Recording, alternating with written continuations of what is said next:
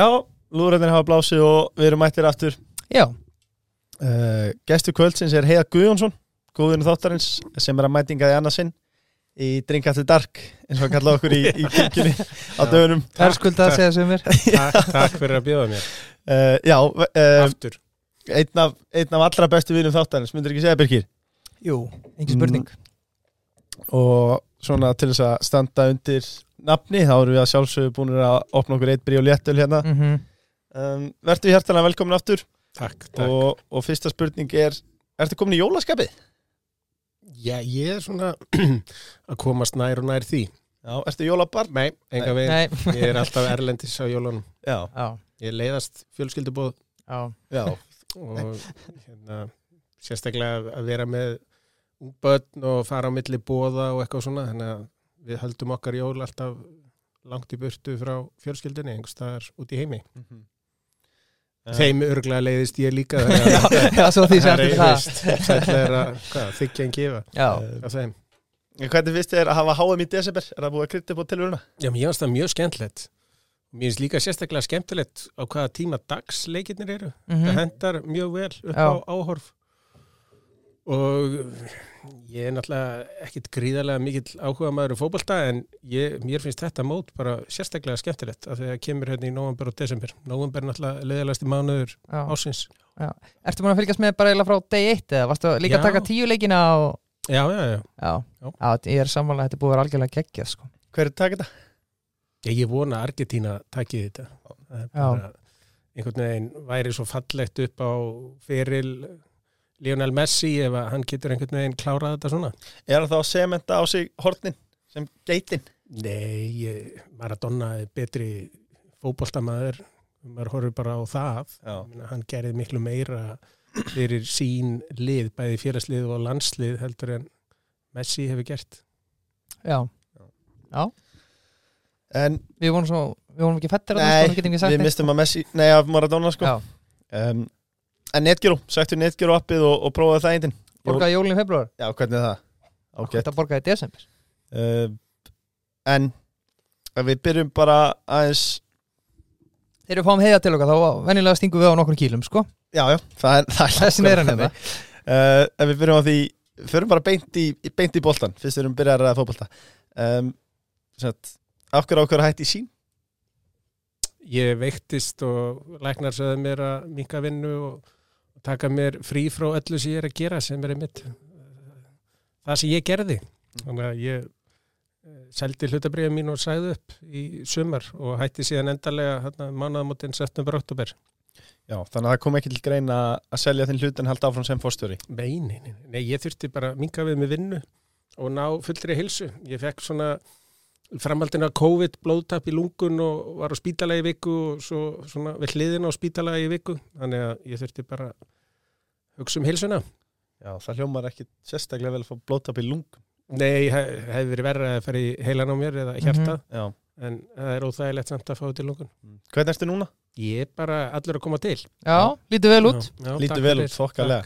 Þú ert nú samt brúnni ég, ég vel eitt vinn brúnkukeppnina en Birkir er að taka mig í þetta skipti. já, Ég hugsaði fyrst ég er að fá heiðar í þáttinn þá þurfið aðeins að kíkja á eitt stað Ertu að svindla Birkir? Nei, ég tók teini Já, vel gert um, Þá, Dagsverð já, eina góða dagsferð Ertu ánægð með þinn tíma hjá sín þegar þú horfður tilbaka?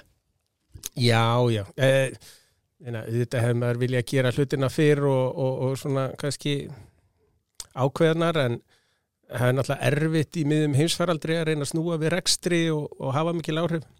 En við gerðum ímislegt og eh, náðum að auka afkomuna, bæta hana í rekstrinu mjög mikið. Fyrirtæki var að tapa um 100 miljónum á mánuði en, en núna hagnast um, um það byrju 100 miljónur í mánuði fyrirtæki skuldaði 12 miljardar en skulda núna 4 miljardar Mm. þannig að þetta var gert á þremur árum í miðjum heimsfaraldri þannig að það er ekkit annað heldur, hægt heldur en að vera satt við það Um, ertu þá officially retired núna? Já, ég að miskusti þanga til að annað kemur í ljós, ég er einhverju svona læknið skoðunum og annað uh, því ég fæ loksins uh, að ég sé full hraustur að þá fer ég kannski að hugsa minn gang en fram að þeim tíma ætla ég að vanda mig við að gera sem minnst og helst ekki neitt. Já, Leiðist þér á daginn? Nei, Það er ekki að spyrja mig líka legur Ég veit alveg svarið við því sko. nei, það sérstaklega ef maður vaknar við eitthvað svona heilsu kvilla það, og, og maður sér að, að maður er allar líkur á að maður náðu fullum bata og, og þó að það sé ekki að þá er algjör óþarfi að láta sér leiðast það er fyrir utan vinnu, það er nóg hægt að gera sem er Já. skemmtilegt Svo getur alltaf ringt í mig ef þú vilt tefla um mig um, Kemur greina að fara í stjórnmál? Nei, Nei, Afgerandi svar, er, er það bara Er einhver Nei, ég hef verið spurður að þessu áður og hef hugleitt þetta og ég myndi aldrei leggja það á fjölskyldu mína og ég vorkenni fjölskyldu fólk sem er í stjórnmálum. Þetta er á Íslandi sérstaklega í svona litlu samfélagi, það er rosa mikið utanakomandi áreiti og, og, og leiðindi hrein og bein sem fylgja þessu. Mm og við einhvern veginn byrjum ekki nóg mikla virðingu fyrir því að, að fólk sem er að það þarf einhver að gera þetta. Og, og þarna er fólk að leggja ímislegt á sig og sína nánustu til þess að, að reyna eftir bestu getu að, að, að koma einhverju góðu til leiðar. Mm. en, en, en þetta er bara vanþaklátt starf. Já, algjörlega. Uh, Þú ættir náttúrulega stóran þátt í því að sína riðja hlaðurpunum til rúms. -hmm. Já, Þannig að ég spyr einfallega ættu Tjassa eftir Dark og Heiða Guðjóns að fara í business saman já, já við hefum að gera það. Við Ekki að spurning. Stopna saman nætuklúb já, já, það er þetta Það hljómar frábær vel. hugmynd. Já. Já. það er einhver lélegasta viðskipta hugmynd sem það er en við myndum, okkur myndi takast þetta. Ég held að já. við varum undantekningi sem myndi sanna regluna Já, Já. já.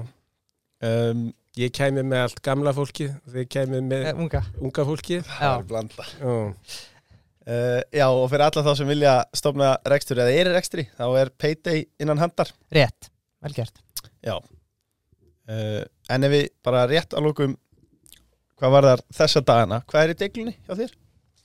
Eh, ég er í stjórnum eh, einhverja fyrirtækja og svona og það er verið að ljúka árinu þannig að það er svona eins og stjórnafundir í krigu það.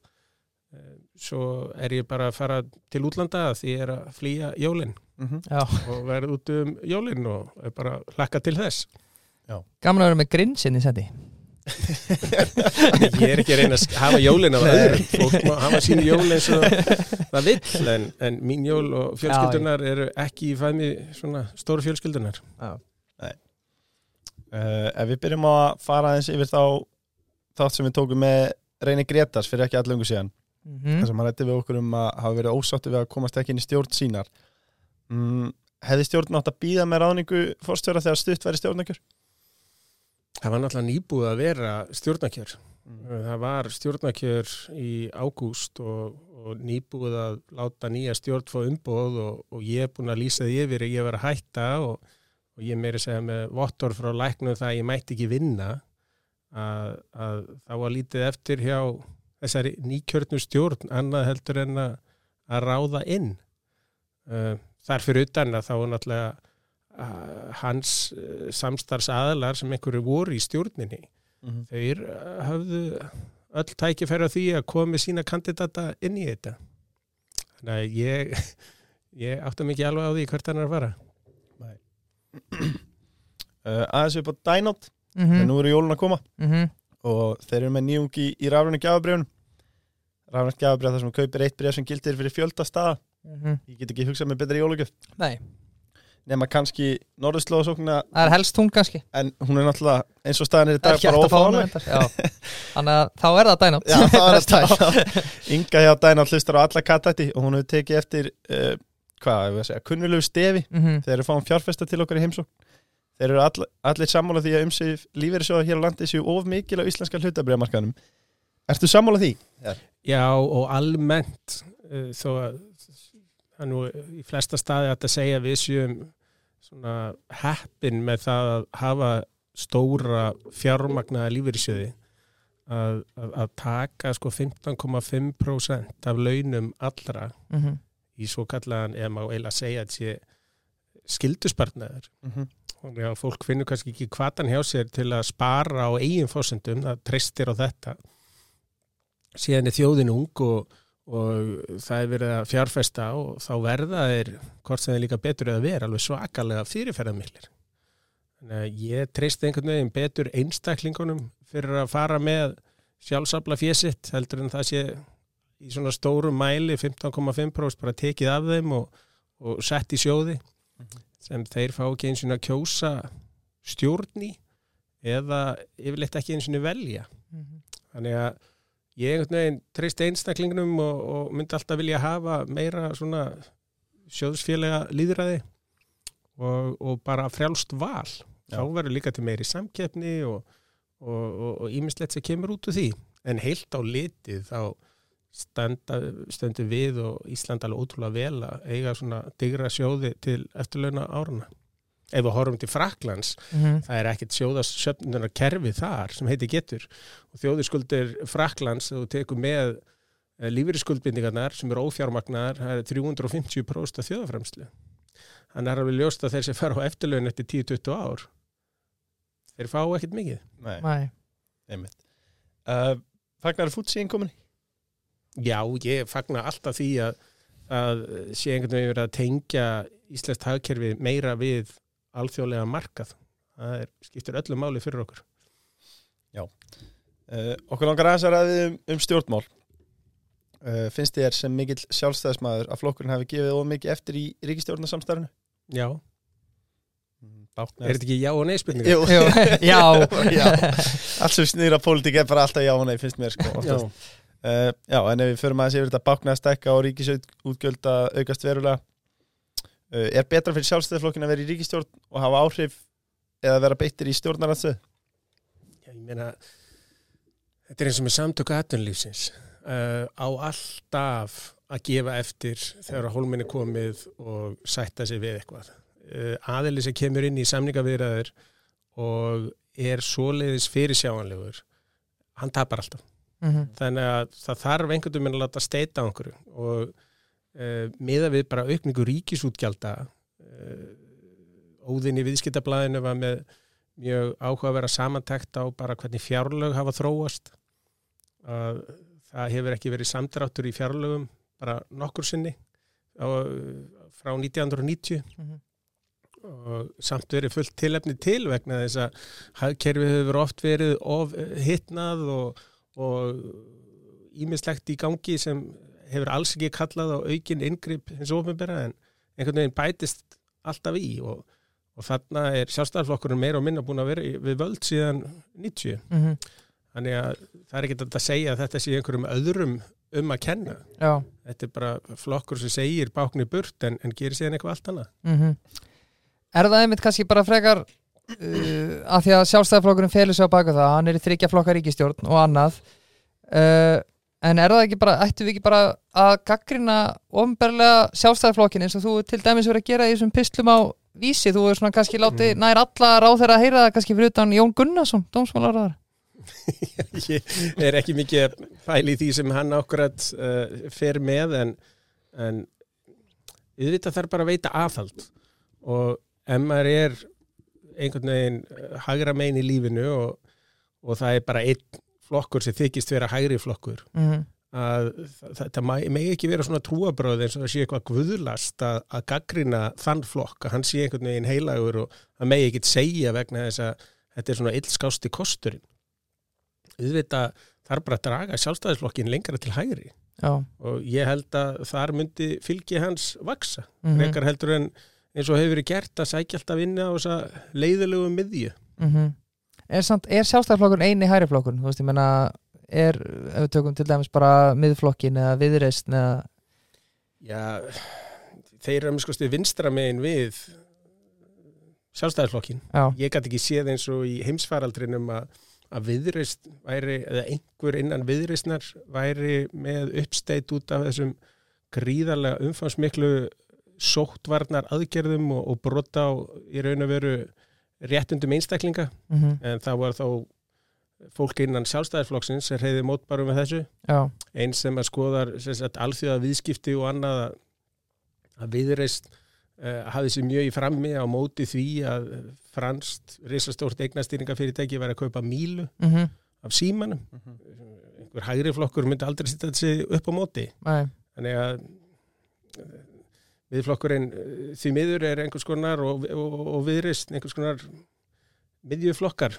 Já, svo er kannski eitt sem er langar að skjóta inn sem komið fréttir í daga því að þú er meðal hans oft gaggarinn tilvistu rúf svo sjáum við í dag að ríkistjórnin var að styrkja þessa frábæru sjónvastöð N4 um 100 miljónir Hvað finnst okkur um svona styrki? Já, þetta er bara dæmi gert. Það er ekkert ja, varalegt og tímabundnar aðgerðir hins ofinbera. Að þetta átt að koma einhver svona einskiptis styrkur í fyrsti krigum COVID og svo út af einhverju svona auðlýsinga um, miseræmi sem er að þessi ofinbera stopnun ríkisútvarpið fær að, að, að selja auðlýsingar og þá átt að bæta öðrum það upp en svo fyrir þetta allt í nöðu það að vera landsbyðastyrkir Mm -hmm. og þetta er ekkert búið, þetta er rétt að byrja Já, og svo bara vindur þetta upp á sig þetta er náttúrulega dómstags vitleysa. Já, og eins og heiðar kannski mér langar að skjóta inn í er að til dæmis ef við tökum svo annað dæmi sem er Reykjavíkuborg að það er þetta til dæmis það sem var fjölgað hvað starfsmönum um ég veit ekki hvað 3000 já, 3000 að, og þá voru tímabundin aðgerir en ekki búið að láta þetta fólk fara heldur kemur tilkynninga uh, þeir alltaf hægt að ráða fólk inn að óþörfu. Já, já, já, já, þetta er allt alveg með miklum eindæmum og bara krakkar í barnaskóla átt að segja á því hvað þetta er vittlust já, en einhvern veginn þá bara heldur þetta áfram Þurfum við ekki að fara að segja um okkar 100 miljonir sem frjáls fjölmiðl ég myndi halda það. Að minnstakosti já, Þið er ekki nógu langt frá Reykjavík. Ef væru, þið flytja ykkur svona, þannig að þeir væri kannski gæt, það væri svona á mörkunum hvort að fólk myndi vilja fljúa eða keira til ykkar. Já, þá, þá myndi þau örgulega fallundi það að fá einhverja styrki. Kannski þess að færa okkur. Við færa okkur Já. sent, það ódýrara húsnæði. Já, nákvæmlega. Ka- kannski að því að ég les alla þessa pisla hefur, að þú hefur talað mikið um reksturins ombera fjarskiptamarkaði og líka banna á oljuleit svona fyrir þá sem eru ekki búin að lesa pislana uh, bann, er, er semst ríkistjóðin búin að banna oljuleit Nei, það er uh, frumvart til laga um að bara setja það í lög að oljuleit og vinsla við Íslands strendur sé bönnuð. Og maður spyr sig hvers vegna eru við að því? Það er ekkert land í kringum okkur sem er með eitthvað svona. Og eh, ég er náttúrulega stóð að oljuleit 2012 til 2018 og veitum í það um það vil 10 miljardum og með sagt kýmverska ríkisoljufélaginu eða það er nú reynda hlutaði að skráða markað sínokk og svo Petoro sem er norska uh, ríkisoljufélagið mm -hmm. Og risa, risa apparödd og, og mjög reynslu mikil og það sem kom út úr okkar rannsóknu var, að við töldum að það veri 10 miljardar tunna á drekasvæðinu í sagt vinnalegu magni á olju og gassi og ef maður tekur bara einfalt reiknistæmi að tunna núna er hvað 75, segjum bara hún sé 80 já, og framlýslu kostnæður þarna vegna þess að þetta er það mikið magn og ef maður tekur mið af því hvernig framlýslu kostnæður er almennt lengst út á hafi og kilometers, eins og hálfs kilometers dýpi uh, þá var það innan við 20 dólarar Mhm. þannig að það voru með 60 dólar að framleið á 10 miljardar tunna, það eru 600 miljardar dólara já, sem væri að koma hérna upp í verðmætum eftir kostnað. Já, og Íslenska ríki fengi alltaf helmingin af því vegna þess að þannig er uppsetningin á þessum leifum að það er um það byrjum 5% allt upp í 55% sem fer til ríkisins þó að Íslenska ríki taka enga áhættu. Mm þetta eru þá 300 miljardar dollara. Þetta eru 25 sinnum uh, landsframleysla já, Íslands og kæmi svona á 25 árum. Þetta væri svona ein landsframleysla í viðbót okkur einst ári í hreinum peningum. Mhm. og, og ef einhver vill vera góður þá er þetta að taka það og einhver segir já við þurfum að bjarga heiminum að þarna verður nú aldrei fjármagn í að veita fyrir til þróunalanda og þeirra Já. sem uh, verst standa Fyrir utan þá innviða og þekkingasköpun sem þetta myndi mynda fyrir Mhm. Ísland Já, ég þetta myndi styrkja eins og hérna fyrir austan við vorum að teikna upp stækkun á flugvellinum á eigilstöðum við vorum að teikna upp sér þyrlu flugvöll og þyrlu svæði þar við hliðin á.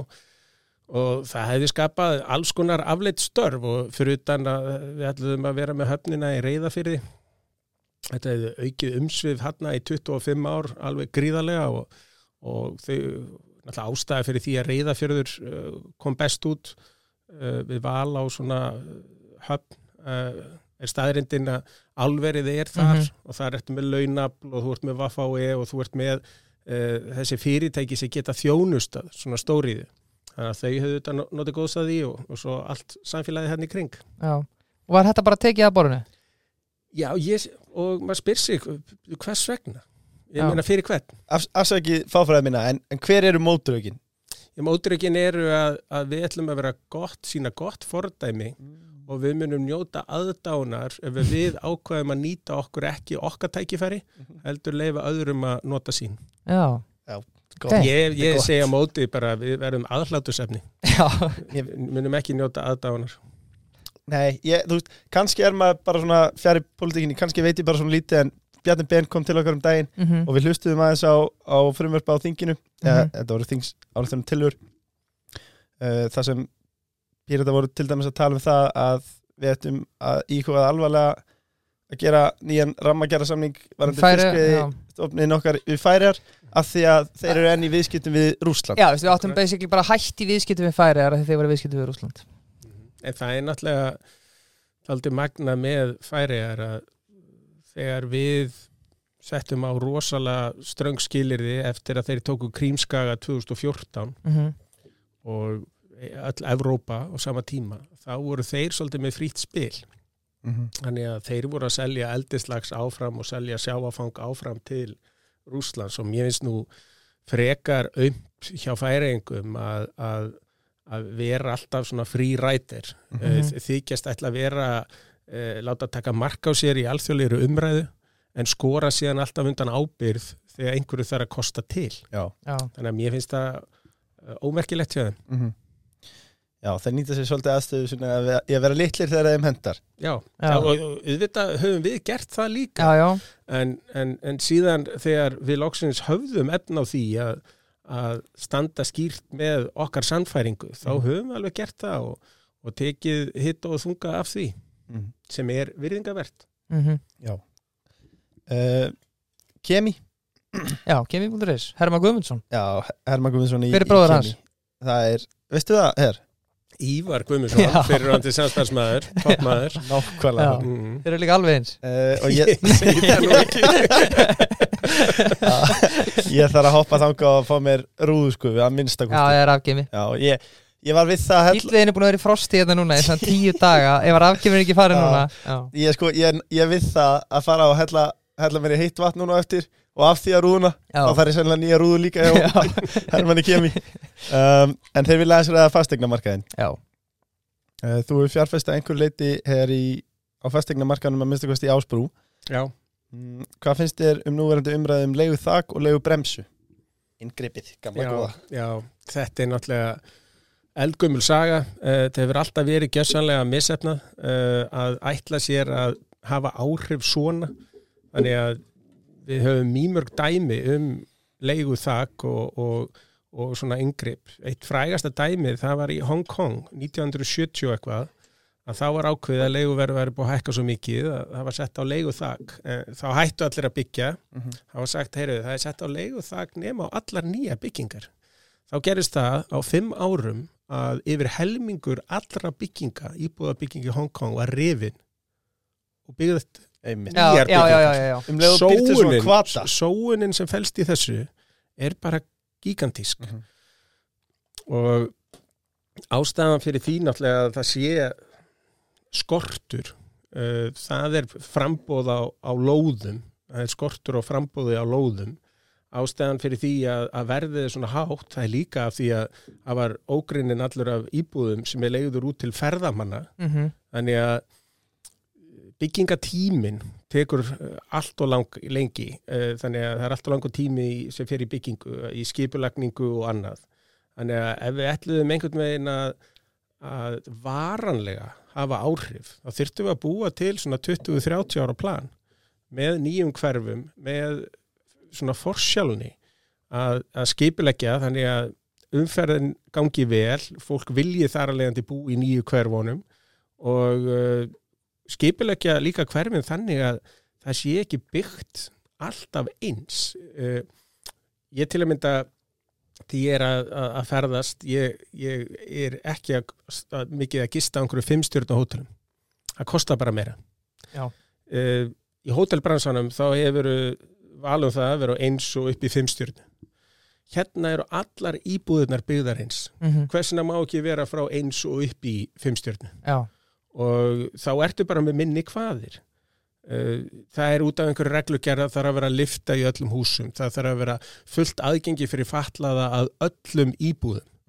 Uh, miða við kostnaðin sem verður til út af þessum svona uh, reglugerðum að, að, að þá í raun að veru væri miklu hag, svona hagfeldara fyrir hagkerfið og, og, og hefðu ofinbera það verður bara þess vegna að þeim sem þurfa svona aðgengis íbúðir, þeim væri bara hreinlega nánast fengið þær gefins. En svo eru aðrar íbúðir þar getur bara verið eftir hefbundum stöðlum. Já. og þá þeim stöðlum sem passa hverju sinni. En þetta er svona byggt að allt á að henda öllum. Og ennsku er talað um að multi-purpose er multi-useless.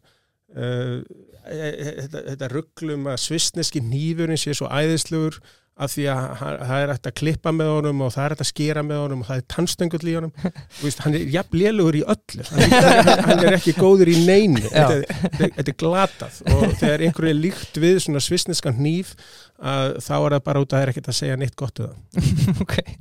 Já, minna, þessi, þessi umræða hefur nú notið talsverðs fylgis, Katrin Jakobsdóttir, Lilja Alfreðs, Kristján Frosta eru meðal þingmanna sem hafa talað ofberlega fyrir svona aðgerðum. Sérstaklega eins og Lilja Alfreð sem var að vinna í alþjóða gjaldirisjónum og uh, lærður, er lærð í hagfræði, bjó í kóru uh, Hún hefur alveg lesið um Chicago. já, heldur betur og þetta er populismi Já. þetta Já. fólk á að vita betur þetta, þetta er ekki lausnin Nei. Þetta er bara sama eins og gerist þegar að bankarnir voru að skila með taknaði fyrra þá var Liljam fyrst að mæta að segja að þetta hækka bankaskattin aftur akkurat Það er nákvæmlega þannig. Nei, og það er í sambandi við stjórnmálin líka, ég spyrir hvort að mig langaði fyrir stjórnmál. Í- en, en maður væri í þessari umræðu og hverjum einsta degi að reyna að segja já en þetta hefur hvergi virkað hversuna ætti þetta að virka í þetta skiptið á Íslandi? Að maður væri að segja þessa setningu svona tíu sinum á dag. Já.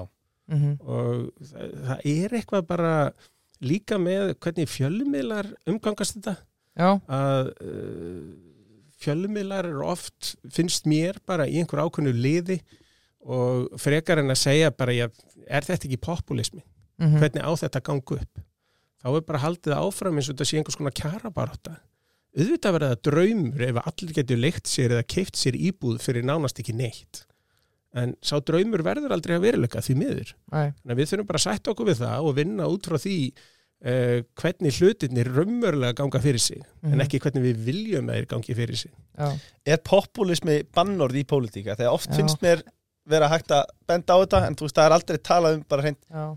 þú veist alveg betur. Eða. En samt finnst manni áhugavert sko því að vorum að tala á hann að sjálfstæðarflokkur væri eini hægri flokkurinn Já. að það er alveg áhugavert sko þeir núna hafa sjálfstæðar með verið að grípa sig eða mögulega bara segja rétt frá að Ísland sé ekki land það sem að þetta,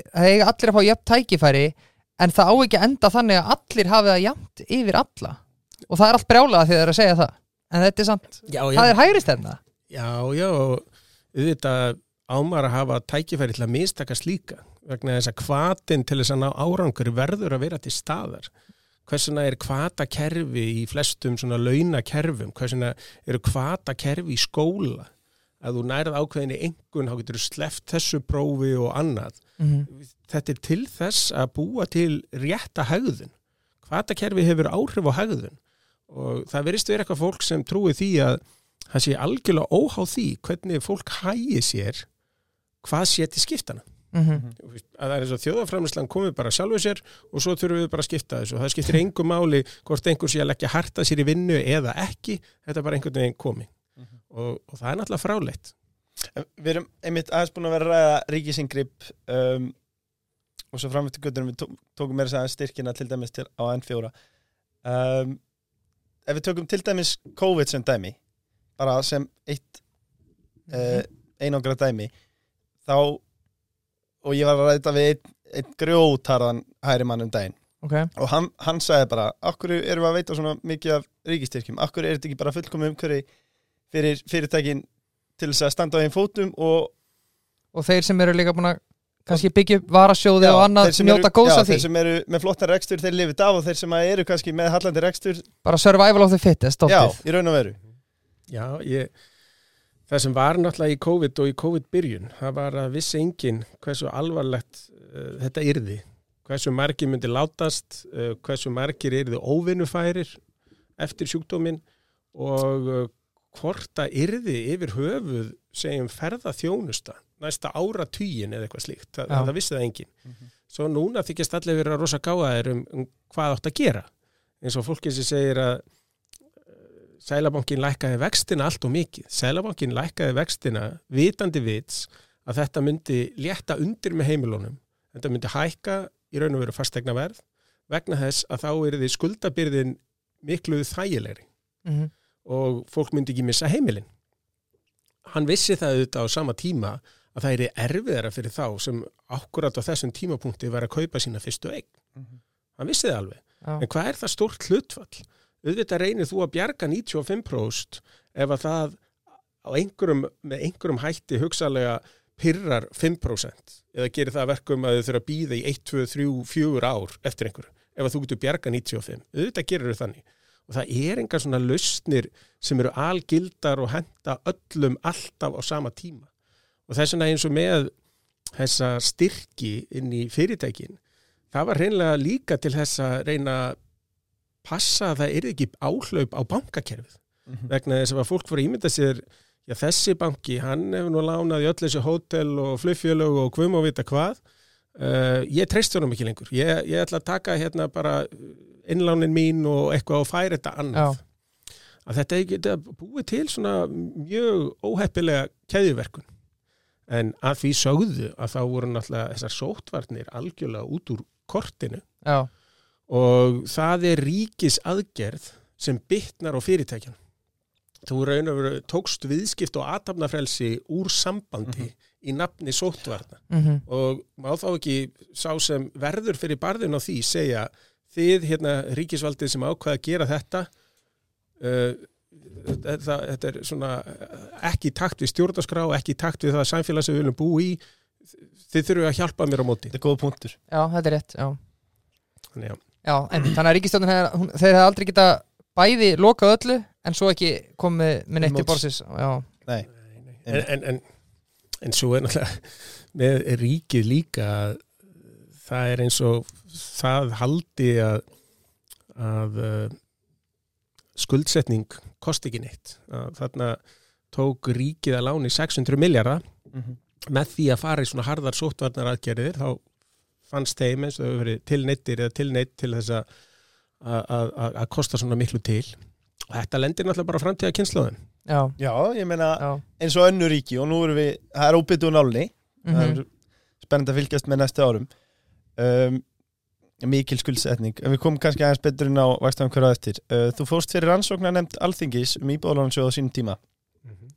Komst á sambandi milli fulltrúa ILS og Deutsche Bank sem var aðeins ráðgjafi þegar íbúðakerfi var tekið upp árið 2004 Getur þú sagt okkur frá aðkomiðinni að þessum viðræðum? Já, ég var sem sagt mjög umsveða mikill í að miðla skuldabrifum og krónum og bjóð í London og hafði byrjað á því þegar ég var í New York og mér fannst algjörlega ótækt að þessi skuldabrif væri ekki uppgjörshæf í alþjóðlegum kaupöllum eða svona verbreyfa miðstöðum, ætti ég kannski fyrir að segja. Þannig að, og þá er það Clearstream og uh, eitthvað annað sem er stæst í svona verbreyfa miðstöðar uppgjörum. Uh, þetta var þannig að þeir sem ætlaði að kaupa íslensk skuldabröð þurfti að stopna sérstakann fjárvöslu reikning og, og verbreyfa vöslu reikning á Íslandi og Mhm. vaslaði þetta hér en ef þetta yrði hægt að vasla þetta sem allir korti er voru með uppsett uh, uppsetta reikninga eins og hjá Clearstream að þá, þá er þetta miklu eftirsóttara í vara þannig að í framhaldur af því þá kem ég þessum aðalum fyrst vorum við í einhverju ringborðu hjá Institutional Investor Magazine og svo í framhaldin af því að þá fer íbúðalánarsjóður að tala við Deutsche Bank. Íbúðabrefin óuppgreðanleg og -hmm. þetta var til þess fallið að laga erlenda fjárfesta Já, já, og sko það, það var þannig að það, það var tvenslagsbref HFF og IBN, IBN var óuppgreðanlegt og, H- og hérna IBH fyrir ekki Mhm. var uppgreðanlegt og svo er þetta samin að hvort tvekja í HFF sem var óuppgreðanlegt. Já. uh, talandi um HFF hver er þín skoðun á íbúðlánu sjóðamálinu sem er í gangi núna, skulum við segja Já, þetta er mjög snúin spurning vegna þess að Þetta er, Þetta er algjörlega- bara já og nei Já, mín skoðun er já og nei. nei en ég minna mín skoðun er að þetta er ég skil fjármálarándið að ætla að reyna að, að láta reyna á þessa einfölda ábyrð Mhm. uh, svo skil ég fjárfæstana sem eru ósáttir við að það sé gert en þetta er algjörlega heimatilbúið vandi ef að, að íbólánasjóður hefði bara verið með virka fjárstyringu já, þeir hefði getað lokað þessu gati eftir hrun bara eitt fyrir og bingo. Þeir hefði getað lokað þessu gati uh, örgla fjórum fimm mismunandi tímum og án þess að verða fyrir nokkrum skakkaföllum. En uh, það var ekki gert. Nei. þannig að þetta er bara stjórnendavandi þar? Heldur þetta ná að leysast? Heldur að, Neini, þetta verður einhver málaferli. Ég það er ekki? ekki? viss um það. Já, Bjarni held þetta myndi leysast? Já, hann var allan á vongóður. Já, von góður, já. Sem er ef að hann er ekki vongóður eftir að hafa hrindið svo að stað Já, er þetta er að það okkur var fóki í flest já. um, En mér langaði aðeins að koma inn á mína menn í, í vítflísum já. Ertu með flýsar heima þér? Já, það eru flýsar á, á baðherbyggjónum á gólfinu og veggjónum eitthvað og eitthvað svona. Já. Erstu á móti teppi minn á baðarbyggjum? Já, ég, ég, bjó allt, ég bjó í sjö ári í Breitlandi og, og það var meiri segja þannig að það sko pub sem var með teppi á gólfinu Já, það þótti fít pub, pub, þess að krá með teppi á gólfinu. Krá sem var með bara steingólf eða, eða timburgólf það þótti ekki jafn fínt. Nei. og, og, og drullan sem var í þessu. Já. og þetta var alveg æðilegt svo fóðum maður inn á klósett á einhverju svona pub og það var líka tepp á gólfinu. Og þetta er náttúrulega svo voru ban, reykingar bannaðar ég bjóðan úti. Þá gaus upp þessi hlandlikt sem var bara út um allt. Já. Einmitt. Þetta myndi ekki gerast með hvít flýsar Nei, Nei. akkurat, þetta er eitthvað besta auðlýsing sem við fengið sko. um, ja, Það er bara nákvæmlega þannig. Uh, Hvað finnst okkur um kjara samningana sem voru undir þetta í vikunni? Sólvið Ég annað einn eftir? bara- Hún situr eftir með sáltlennið Já, ég, ég skil ekki þetta vinnumarkasmódel á Íslandi. Að það sé 2400 fyrirtæki sem fylgir sér á bakveð eitthvað sem heitir samtök atvinnlýsins og reynir að semja síðan við segjum 80.000 lönnþega sem er á bakveð ASI ég gæti alveg skilið að þau var einhvern veginn við mismunandir áherslur innan ASI eh, Ragnar og Solveig Anna og, og Vilhelmur Birgisson en það eru ennþá skiptari skoðanir samtaka atvinnlýfsmegin Þannig að ég hef svo sem sagt að kannski það besta sem samtök aðurlýsins myndi gera er að leggja sjálfsig niður. Já, Þannig að það verið 2400 viðsemjöndur hinnum megin Já og gangi ykkur vel. já, en, en ok, stillum upp því sviði, ef við stillum sviðsmynd hvernig, hvernig er það gert? Bara spyr sá sem eftir já ekki hvernig veit. er þetta þú veist, Hvað hvern, gerist ef að samtök atvinnlýsins leggja sér niður? Líka því að heiðar segir að vinnumarkasmótili virkar ekki hérna Þú veist, hvernig við, þú veist, ef við börum okkur saman við lönd sem að við viljum bera okkur saman við hva, Er þetta betra annar staðar eða? Já, já. Það, þetta kemur upprunlega einhvern veginn í gegnum uh, norrænar fyrirmyndir. Mm -hmm. En þar er unnið alltur í vísi úr þessu og uh, það er miklu meiri samtakamáttur og milli verkalýsreifingar og vinnuveitunda sambands. Þannig að það er bara þroskaðri umræða. Uh, síðan á Íslandi er, er þetta líka sérstætt vegna þess að hérna er svo rosalega hátt hlutfall fólks í verkalýsfélagi Mm -hmm. vegna þess að þú ert í raun og veru skuldbundin til Já. að fara í verkefliðsfélag. Það er ekki þannig annar staðar. Og þetta flækir málinn enn frekar. Og ef við skoðum síðan verkefliðsfélagin, við getum tekið eins og Vestlunamannafélag Reykjavíkur, Vaffer, þar, þar eru forstjórar í Vaffer. Meiri luti fólk sem er aðna er, er, er sko einhvers konar skrifstofuvinn. Mm -hmm. Uh, örfáir sem er að vinna það sem mætti kalla verkamannavinn. Hvernig á að vera þetta að semja fyrir allan þennan breyða hóp Já, með einum samningi? Þetta bara gengur ekki upp. Svo skoðum maður líka innan vaffer. Þar ertu með alls konar félag. Segjum bara að þú ert með rosalega marga sem eru frá Æslandeir. mm -hmm. Ef að krónan veikist, þá stiður það mjög við útflutningsgreinar. Getur hjálpað fyrirtæki eins og Æslandeir mjög mikið. en innan VFR er líka fullt af fólki sem er að vinna í framleiðslu uh, hér á Íslandi í einhverjum svona uh, minni fyrirtækjum og annað og ef að krónan uh, lækkar mikið þá gerir það þeim miklu erfiðara fyrir að, að flytja innvörur þegar hækka svo í verði eða eða ert með verslun eða eitthvað slíkt þannig að sko bæði eru þetta mismunandi sagt mismunandi störf og í mismunandi greinum sem hefur verið að reyna að semja fyrir með einum samningi og það verður engin ánæður.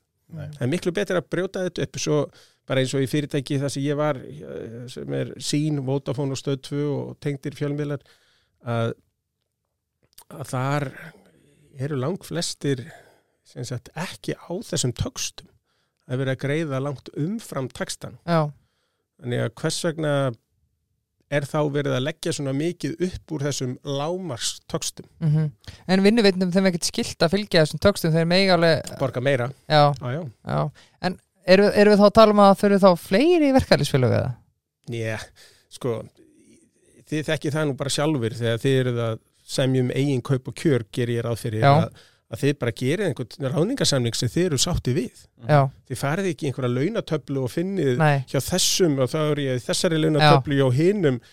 Þe- Þetta er bara einstaklingsbundið. já, og þegar við erum að skoða svona nútíma vinnustadi, hvort sem er hér eða annar staðar, þetta er bara samið út frá viðkomandi einstaklingi. Já, og svo er þetta auðvitað þannig að maður er misverðmætur eftir því hvernig manns hæfileikar passa inn á hverjum tíma. Mm og til að byrja með þegar maður er að læra og, og er hálgeri svona hálgeri námi, vinnutengtur námi að, að þá auðvitað fær maður læri laun og svo vex maður í ásmegin og svo smá sem maður verður maður sérfræðingur. En ef maður heldur sér ekki við að þá smá sem maður hætti maður að vera sérfræðingur eða starfsumhverfi breytist.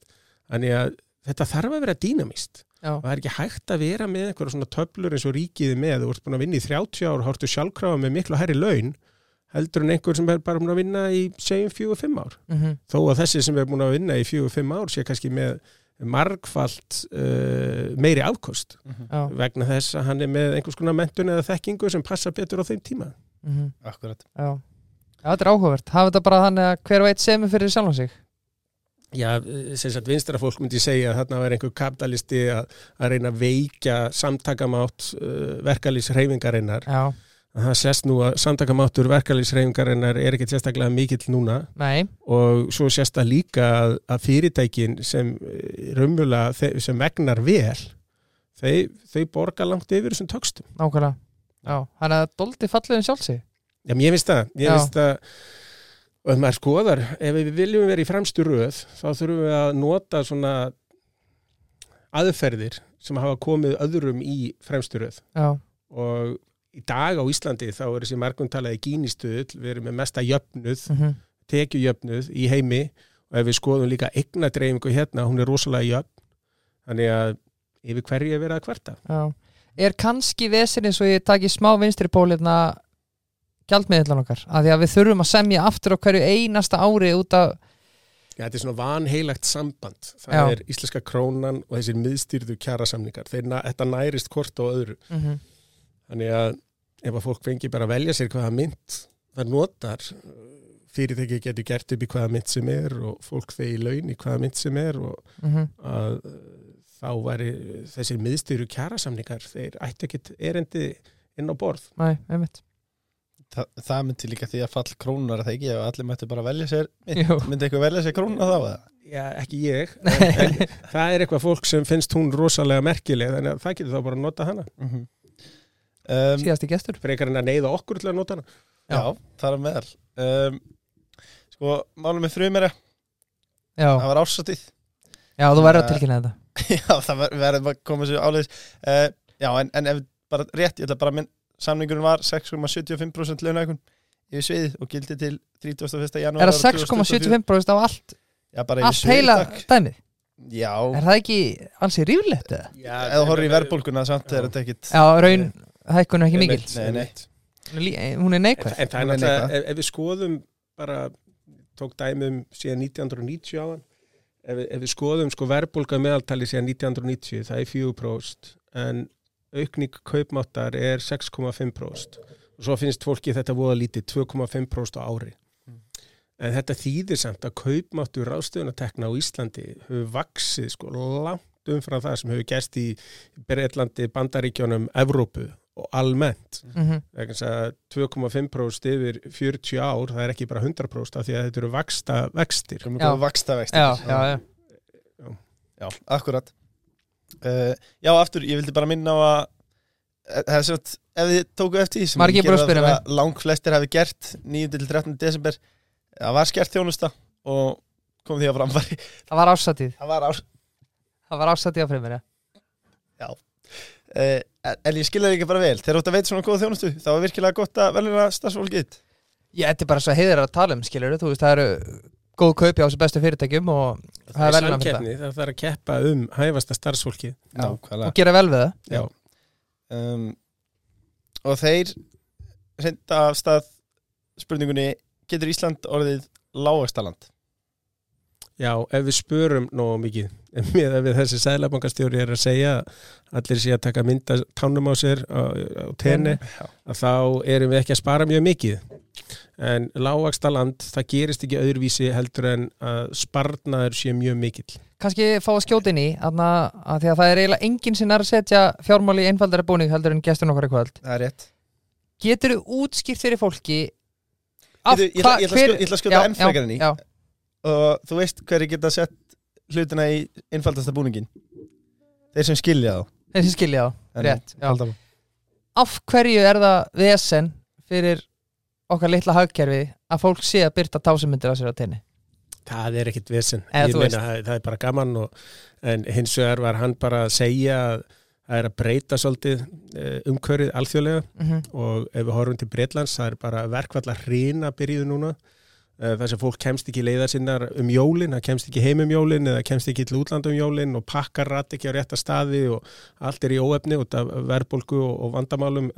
Eh, orkuskorturinn í Evrópu er, er, er, er að byrja núna að býta og það verða lokanir á skólum og, og alls konar eh, þjónustu og ég tala ekki um bara fyrirtækjum og þá skil ég alveg að hann sé að pyrra sig á fyrirkjuleysi íslendinga sem fara bara og láta eins og ekkert sé að. Hækka Æ, yfirdráttin Já, það er stríð í Evrópu, það er meiri háttar olga í Evrópu líka. Sjáu það að meiri liti ítala, þeir vilja bara að Úgræna gefist upp og Já. þetta hætti. Uh, á meðan þú ert með pólverja sem eru líka í Evrópusambandinu sem hafa staðið sér alveg ævintrilega í að taka móti bara 5 miljónum flótamanna mm og, og kvarta ekki en þá er einhverju töskusalar í, á Ítalju að vorkjana sjálfum sér að pratataskan komist ekki til uh, Moskvu. Já. Eh, Þetta er algjörlega ótrúlegt en á, á meðan öllu þessu stendur að þá erum við hérna bara með heitapottin í gangi, förum hérna í Kópóin í Sky Lagoon og, og njótu þess að vera til og fórum sér til tenni bara til að ná í smá D-vitamin.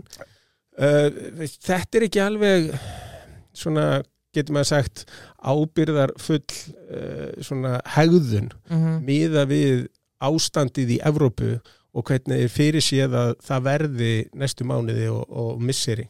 Þetta skýtur dálítið skökku við um, Sko heimilin Sparnar heimilina Ég held að við, við erum allavega sögulega vel sett ef, mér, já, fólk, já, ef, ég, ef ég skil seglabanka rétt. Uh, En síðan hor- eða, sem sagt, Og ég skil alveg að fólk vilja eyða í ljósi þess að það er búið að vera lokað inn í Ég veit ekki, tæplega tvö ár.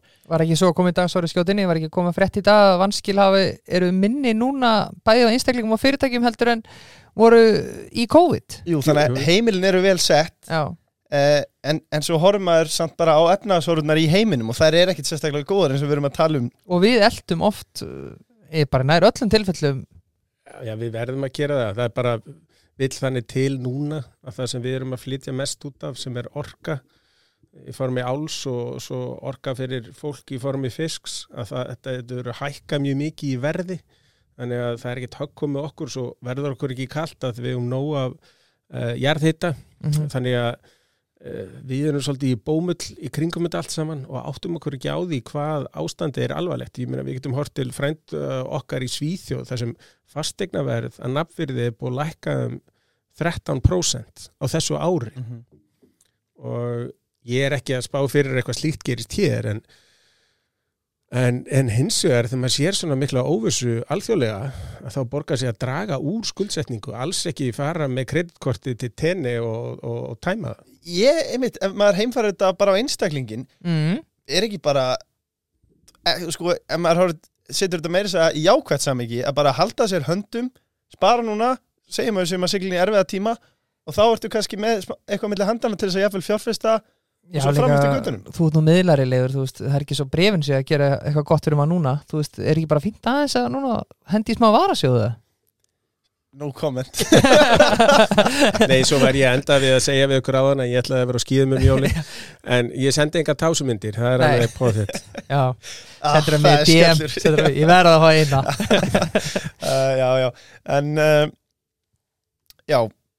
Mm, Ef það voru hérna spurningar Er Ísland, Ísland það lítið hagkerfi að munum alltaf elda aðra stærri markaði? Já, en þá er það bara hvaða markaði. Mm. og uh, það land sem ég horfi til hérna vestamegin við okkur sem er Kanada sem er ótrúlega velhæfna land. Uh, fullt af alls konar áskorunum en líka fullt af tækifærim og þeir hafa tekið að móti innflyndum á aðdána verðan hátt uh, búið til hérna mjög fjölbreytt samfélag sem eru uppfyllt af sérfræðingum uh, þó þetta sé, hvað ætli, sé rétt um 30 miljónir þeir geta framleitt sko kjarnaopna, þeir geta framleitt flugvílar, þeir framleiða lestir, bíla, hvað má vita hvað sem þú þart mjög stórt samfélag og mjög þekkingaríkt til að geta staðið í Mhm. og síðan náttúrulega bara eru þeir vinalegir og almennlegir er ekki Mhm. með einhverja drottnuna tilbyrði þannig að maður við munum þróast mjög áþekkt finnst mér Kanada. Frekar heldur en áþekkt segjum bandaríkjónum eða Breitlandi Já, Nú var Nú var einhver lífið sjóra kvart yfir afskipta sem í Sælabankans um, daginn, um daginn. Um, Ef þú verið ráðinn á morgun sem sérstakur ráðgjafi Sælabankans eða ríkistjórnarinnar, hvernig getum við komið verðbólgun og vöxtum niður? Og þú talaði til dæmis um það að halda sér höndum. Mhm. hvernig, Það er mjög einfalt vegna þess að Sæðlabanki núna er nánast alráður. Þeir fengu fjármál eftirlitið já, og ef, við horfum tilbaka hvað er það sem hefur haft mest áhrif á svo sem banka, það er eitthvað svo að kalla í gamla daga bindiskilda. Það er hvað mikið af innlánum, hvað mikið af fjármagnir sem kemur inn í banka þarf að setja til hliðar í Mhm. nokkuð skonar varasjóð sem er bara geimtur á nánast engum vöxtum inn í Sæðlabankanum. Mhm. Og með því að, að, að, að reyfa þetta, í raun og veru ertu bara að reyfa peningamagn í umferð og dregur úr peningamagn í umferð, já, þá bara stöðvaru hagkerfið alveg rosalega hratt. já, Með því að hækka vexti og sérstaklega í íslenska kerfinu þar sem þú ert með fastegnalán, stæstu skuldir almennings eru fastegnalán sem oftast eru verðrið til mjög langs tíma, þetta hefur ekki strax áhrif á greiðslubyrðina. Ef þú minkar hins vegar aðganga fjármagni, þá hefur þetta gríðarlega áhrif strax á allt hagkerfið Mhm. og miklu meira heldur en að breyta vöxtunum upp og niður. já, Þannig að ég, ef að ég hefði miklar áhyggjur á verðbólgunni þá myndi ég minka peningamagn í umferð og það er auðgert marga leiði til þess. en það er líklega ekki leiðin að auka ríkisútgjöldum 36 miljardar Nei, enga megin. Og ef við skoðum bara ríkisútgjöldin núna miða við hvað var fyrir COVID sem var Mhm. farið í sérstök COVID fjárlög þá eru þið held ég samt sko þau eru 15% herri heldur en var þá Já, sko að raunvirði þannig að þetta er náttúrulega engin hemja. Þa, það Nei. var sagt að við erum að auka útgjöld af því að það verið einstakar aðstæður en svo bara haldið áfram eftir að þeim aðstæðum líkur á vakt sjálfstæðarflóksins já, já. Uh, PLD uh, sjálfbarna leðaljósi ágjulös afburðaprentgæði Rétt, og ég ætla ekki að fullera það en ég sé ekki betur en að þessi jú, bók er Þetta hafi er verið prent PLT prentara Já, uh, annars myndi ég aldrei lesa hann uh, Heiðar, þú komst hérna færandi hendi með bókinu Norðurslós sem var gefin út árið 2013 og illu heitli veit að hún er ekki fánleg þessi jólin en Nei. það er aldrei að vita hvað gerist í, í framtíðinni. Hún verður ekki endur út nema þá bara, ég er enda komin inn á metsölulista vegna þess að ég ákvaði að gefa hann út í september þegar fæstar bækur seljast Já, og með því að gefa hana út uh, hann náði henni í fimm eða sex vikur inn á metsölulista Eymundsson og hennan hefbunda metsölulista.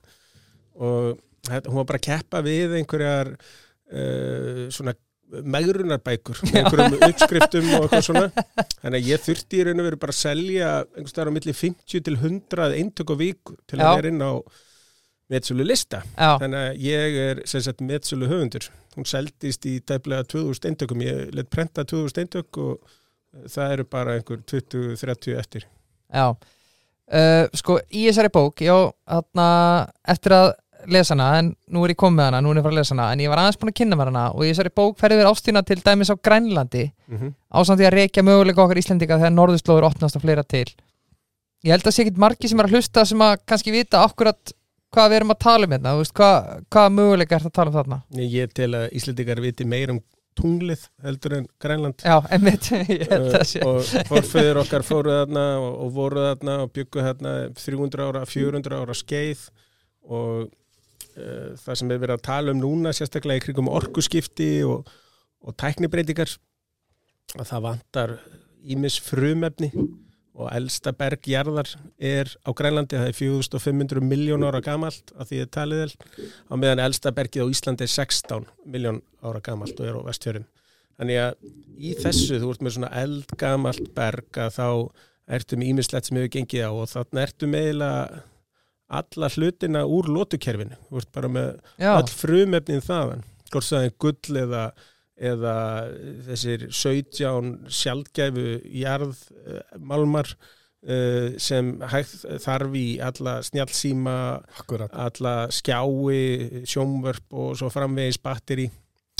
Og til þess að, að vinna svona tækni vörur að þá til að mynda í dag er eitthvað um 90% af, af þessum sjálfgæfu málmum koma frá innri Mongolíu sem er sjálfstjórna hér að í, í Kína. Mhm, þannig að Kína hefur sett á útflutningsspann og þannig að ef við ætlum að standa okkur í orkuskiptum, ef við ætlum að standa okkur í tækninni og að gera meira fyrir minna þá þurfum við að finna nýjar námur og þessar námur er á Grænlandi. Ég, ég ætla að skjóta hans inn að því ég komið til Grænland tvisar út af heitnum Hrafni Jökulsinni sem er kannski eini íslendingur sem var búin að fatta hvað verður mikið verðmætti hann í Grænlandi. Uh, af hverju ef að Grænland er með öll þessi verðmætti af hverju er þetta samt eiginlega, ég ætla bara að segja þriðja heims ríki Já, þetta er ekki þriðja heimsríki en sko ef þú ferð það sem flesti búa eins og í kringum Núk og Sissimjúti, Lulisat, Manitsok, Asiat að, er búa 80% uh, landsmanna og það, það er ekki þriðja heims við það. Hins vegar eru fátæk þorp uh, lengst í burtu, uh, mjög afskekt uh, oft ísi lögð sem sagt ekki að koma siglingaleiðina nema kannski 1-2 mánuð á ári. Mm -hmm. og rosalega dýrt að ferðast þarna á milli og þetta er yfirleitt svona gömul veiðimannaþorp. Já, og þessi þorp eru hvort sem að fólki finnst það sorglegt eða ekki, þau, þau eru svona að deyja út. Já. Af því að unga fólki kýs með fótunum, það vill ekki lifa svona. Mm og ætla sér ekki að vera veiðimenn, íspjarna veiðimenn eða nákvæmsveið fólk eða, eða eitthvað slíkt og það fyrir núk og svo þaðan oft í kaupmannahafnar. Já, hann er kannski bara að vera að villu stað í Grænlandi Já, og Íslendingar hefur yfirleitt farið á austuströndina Já, og það er uh, sorgleg upplifun að vera þar Mhm. í þessum afskiptu þorpum uh, en, en eins og ég segi þau eru að deyja út og þessi, þessi menning er að breytast. eru Danir að koma vel fram við þá? Ég, mér hefur, hefur ekki þótt það Nei, bara aldrei nokkuð tíman en það sem var ánægilegt núna á ringborðið Norðurslóða þá að Katrín uh, Jakobsdóttir að undirrita við uh, grænlandska fórsetstráðaran uh, samningum frívaslun við Ísland mm Eimskip hefur gert rosalega gott í að tengja saman siglingaleiðirnar með einokunar fyrirtækinu Royal Arctic Line sem er á Grænlandi -hmm. og það svona bættar samgöngur. Það hefur verið að byggja núna þrjá nýja stóra flugvelliðarna samgöngur undirstaða viðskipta og viðskipti eru síðan undirstaða velmögunar þannig að þe- þetta er alltaf að koma, þetta er alltaf að gerast. Já, og vonandi náum við að taka einhvern, eiga einhvern þátt í því. Uh, Við erum að fara ángaði haust. Já, við erum farað ákveð haust, það verður gaman. Frábært. en, en ég hef, Til Úmanak eða lang- Ég þóri ekki að fara með Nei, það. það var ekki Úmanak Hrafnheitin en það fór oft Já, fangað þetta er þar þá. Er það? Já, um, þetta er allavega einhverju svona, já Já, ég skil bara ekki hvernig fólk nefnir að búa þarna, það er ískallt og það eru stutt og Ég var fyrstur til að skýða hæsta tind hérna Grænlands. Uh, vorum alveg í fjögur, fimm ára undirbúa það, þurftum að leia skíðaflugvél, gerðum þetta 2006 og uh, þegar ég var búin að því þá skildi ég eitthvað sem engi var búin að gera þetta. Það var hræðilega kapp, gistum í tjöldum og, og það var sko mínus 35 utan dyrra, það var sko mínus 50, vindkælingu. mínus 55 með vindkælingu og fórst upp á fjallið þarna sem er tæplega 4000 metrar, hætti Gunnbjörn.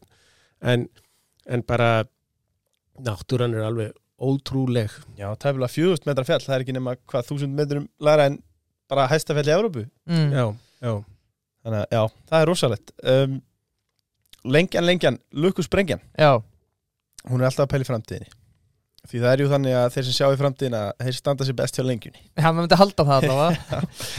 Uh, Þeir vilja hins vegar spyrja heiðar eða kongin eins og þeir kallaði já takk. Fyrst vil ég að fá 1x2 Frakland Morocco? Byrjum á því. Það er ekki hægt X. Nei, nei, það verður tveir. Marokko. Marko, þetta er Þú grjót getur Já, vel, já, það. já. Uh, Hvernig munum fjármálakerfi heimsins líta út ef við horfum til dæmis 10, 50 eða 100 ára aftur í tíman eða fram í tíman afsakið að þínum mati? Já, það fjártekni er að ég hef sagt þetta fyrir, fyrir tíu áru síðan eh, fjártekni er bara að leysa upp þessa stóru banka, þannig að þeir verða sérhæfar einingar. Það verður sér aðeins og fær fastegnalán hjá, það verður sér aðeins og geymir innlánin hjá uh, það verður sér aðeins sem er í eignastýringu. Þetta leysist allt upp vegna þess að leitakostnaðurinn hrinur og þú þarft ekki þessi sami rekstur að hafa svona ólíkar einingar saman uh, það er ekki þörfa á hún lengur. Hvar leysi ég þá inn tjekkana mína? Já, þú faxar þá. Það er framtíð, ég held að það sé framtíð. Já. En þú veist, líka, þetta, við erum alveg byrjar að fá smjörþegun á þessu. Þú veist, við sjáum, og þetta er ekki auðlýsing bara svo við takja það fram Þú veist, við erum með net, uh, netgjöröndar, já En svo ertu með, þú veist, síminni byrjað með eitthvað greiðslukort sem þú ert bara með eina hálfa heimild Auður er komið það, svo getur bara geimt innlániðin Bankar, þú veist, munuð þeir leggjast af eða munuð þeir bara fara í eitthvað annað Sérhæfinguna Já, já, fara í sérhæfinguna og, og þá sérðu bara reikningituna sem er að koma með gerfigreind og annað að þetta verður í raun og veru hver er bestur í áhættistýringu og hver er bestur í að reka bara eiginlega gagnaver í kringum upplýsingar. Mhm. Uh, Þannig að sagt, sjálfvirknin sé nánast allstaðar.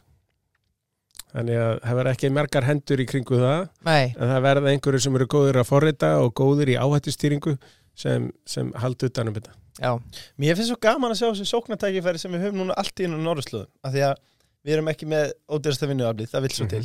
Uh, en í staðin erum við með ódýra orku sem að er náttúrulega ég ætla jafnvel að ganga svo langt að í framtíðinni verða ekki cash is king, heldur energy is king já, algjörlega það Og að- að því leitinu til erum við náttúrulega ódýrt vinnuafl sko. ég er að segja það, Já. þannig að nýja stafræna vinnuaflið er gæti verið, gæti byggt einhvers konar höfustöði hér vonandi Þurfum við ekki búið gagnaðistrákar eða? Jó. Já, jú, Er það, er það fyrirtæki sem að Heiðar X Tessætti Dark Já. er að fara að setja á fót Ég skal fórrita það fyrir Já. En, en eins og líka bara skiptir máli að þá Ísland er með fríversluna samninga þannig að ef einhver ætlaði að setja upp segjum eitthvað fjártækni fyrirtæki hér að þá þyrti skattumhverfið að vera þannig sem það er í dag að, að, að það borgi sig. Og svo er Ísland til þess að gera örugur staður. Mhm. og það væri hægt að reka í sem sagt, svona fjártækni fyrirtæki sem verður með höfustöður hérna á Íslandi. Það var ekkert vandamál. Nei, uh, Við gemum okkur aðeins eftir að bankatali yes Þeir eru alveg að deyja út, þannig við erum að tala á það Já, núna já, við- þetta er seinast ekki fyrir okkur mögulega Leifur, Íslandsbankasalan ertu byrjar að nýru vinnu það? um, Já, Íslandsbankasalan Eigum við að halda áfram í áframhaldið söluferli já, já, já. já, þetta- Var þetta ekki algjört klúður þessu sala? Nei, enga veginn en uh, þetta var þetta kannski ekki heppilegasta tímasetningin pólitíst svona rétt fyrir sveitastjórnarkostningar og þess vegna var þetta líka svona mikið uppnámi kringum þetta af því að þeir sem voru í stjórnar anstöðu þeir hugðu sér gott í glöðarinnar að reyna að tortryggja þetta. Og svo beigð skýslan eftir sér og Já, svona. akkurat og svo er ekkert nákvæmlega ekkert í þessari skýslu Nei, þannig að það var bara fínt að ná að selja á þessu verði og auðvitað þeir að selja meira og selja landsbankan líka. Íslenska ríkið er ömurlugur eigandi að böngum en það var samt, sorry aðna, Það var látið okkar mann Fellow chess player Jón Gunnar Jónsson, fórstur af bankasýslunar þessi skýsla, eina sem ég tók úr henni er að, að það var látið þá að heyra það?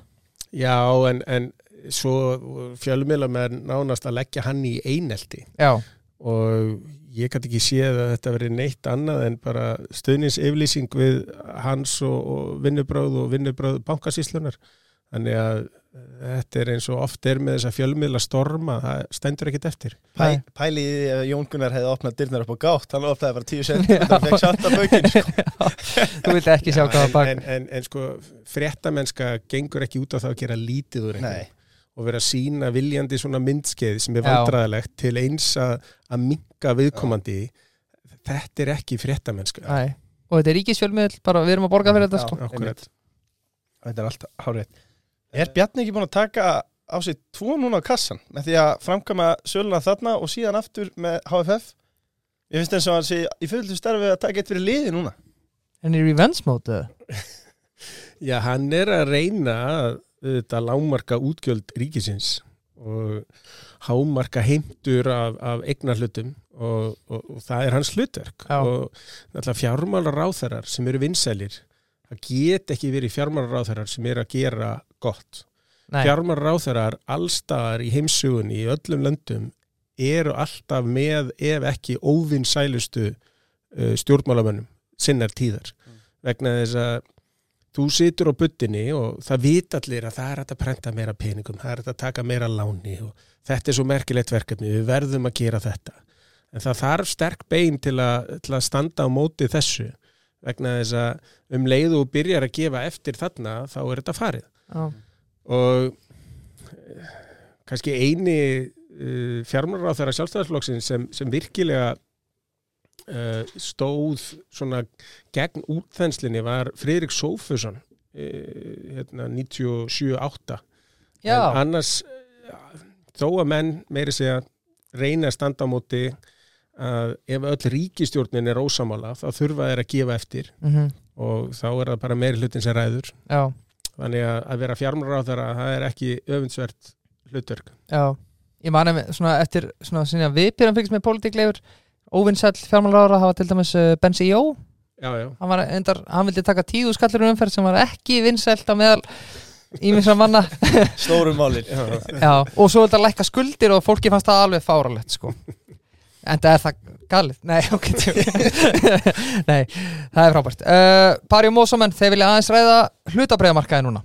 Uh, síðastur að komst til okkar fyrir tæpu ári síðan þá voru brefin í sögulegum hæðum og við vorum eitthvað við leifur vittlýsingan sem við erum eitthvað að spekulæra hvort það væri allt, allt og hátt verðmetin og svo framvegis. Jú, jú, svo fengum við leiðréttingu af mörgum ástæðum, stríð, orkuverð, verðbolga og fleira. Eru brefin, brefin kannski núna að nálgast verðmæti sitt eða... Ég sko bref á Íslandi eins og ég hafi sagt síðast sko, eru til þess að gera ódýr. Það sem hefur haldið myndi niðri vísitölunni núna það er fyrst og fremst Marel. Og það er eitt félag. Mm önnur stór uh, félag hafa bara staðið sig vel. Og þó að kannski gengið hafi ekki hækka mikið á þeim að, að, að það hefur ekki hrunið. Eh, ef við skoðum hins vegar, ég held ég að ég minnst á það líka síðast hjá okkur hérna með Tesla. Það er alltaf búið að hrinja síðan og, og maður sagði að það var í bóla og ég held að halda áfram að hrinja en svona almennt út í heimi að það er óvissan miklu meiri heldur en á Íslandi. -hmm. það er ríki ekki sjálfum sér nægum um húsitun og, og orku eins og við erum nánast og uh, ekki sjálfum sér nægum matvæli eins og ef að við myndum bara borða fisk að þá, þá ættu við nóg í hvað, 50 sunum fleiri íbúa heldur en er hér. Þannig að við munum standa þetta vel af okkur en það er allt afstætt. Þannig að ef allt í heiminum verður ódýrara öll hlutabrif út í heimi segjum að það verður mikil gengislækkun þar þá mun það auðvitað koma niður á íslenskum uh, eignum líka. Íslensku mm verðbrif munu líka lækka.